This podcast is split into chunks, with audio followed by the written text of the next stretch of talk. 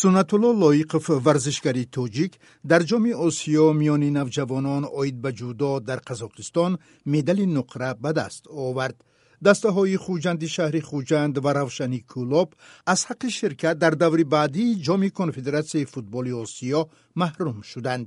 Ин навгониҳои варзиширо ман нарзуллоҳи латиф ба шумо пешкаш мекунам варзишгари тоҷик сунатулло лоиқов дар ҷоми осиё миёни навҷавонон оид ба ҷудо ки аз 14 то 16 май дар шаҳри алматои қазоқистон доир гардид медали нуқра ба даст овард. Дар ин мусобиқа беш аз 150 варзишгар аз чаҳор кишвари осиёи марказӣ қазоқистон қирғизистон тоҷикистон ва узбекистон ширкат варзиданд. Ба ҳайати дастаи мунтахаби тоҷикистон шаш варзишгар шомил буд.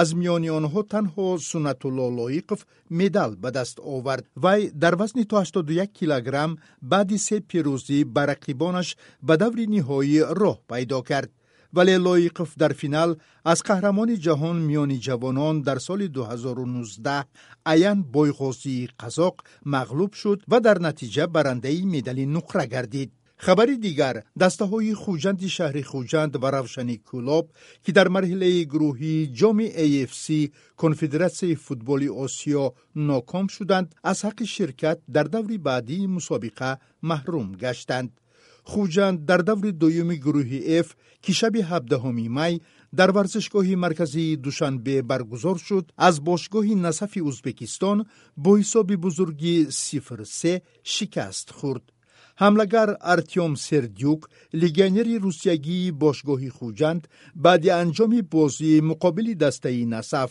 гуфт Тяжелая игра выдалась.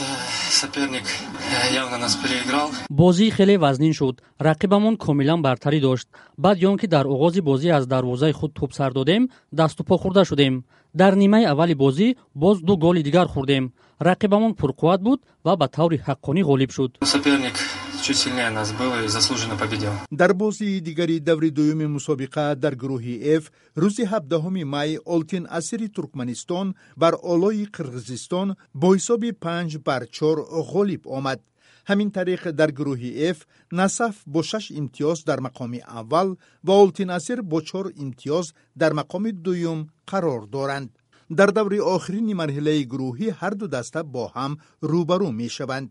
Бозии ҳалкунанда бистуми май дар варзишгоҳи марказии душанбе барпо мегардад. Футболбозони узбекро барои ғолиби гурӯҳ шудан дар бозии муқобили олтинасир натиҷаи мусовӣ қаноатманд мекунад.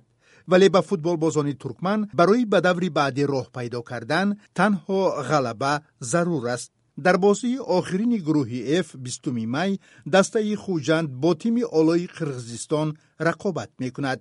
Аммо натиҷаи ин бозӣ ба тақдири рохати ягона ба даври баъдии мусобиқа ҳеҷ гуна таъсир расонда наметавонад.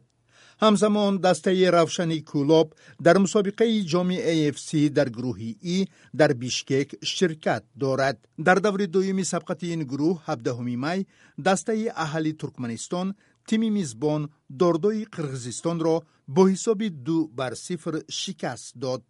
Дастаи равшан ки дар аввалин даври мусобиқа дар гурӯҳи и аз тими аҳал бо ҳисоби як бар се мағлуб шуда буд дар даври сеюм бистуми май дар бозии охирини ин гурӯҳ бо дордои қирғизистон рақобат мекунад вале натиҷаи ин бозӣ таъсиргузор нест зеро ки дастаи аҳал бо шаш имтиёз ғолиби гурӯҳ шуд ва ба даври баъдӣ роҳ ёфт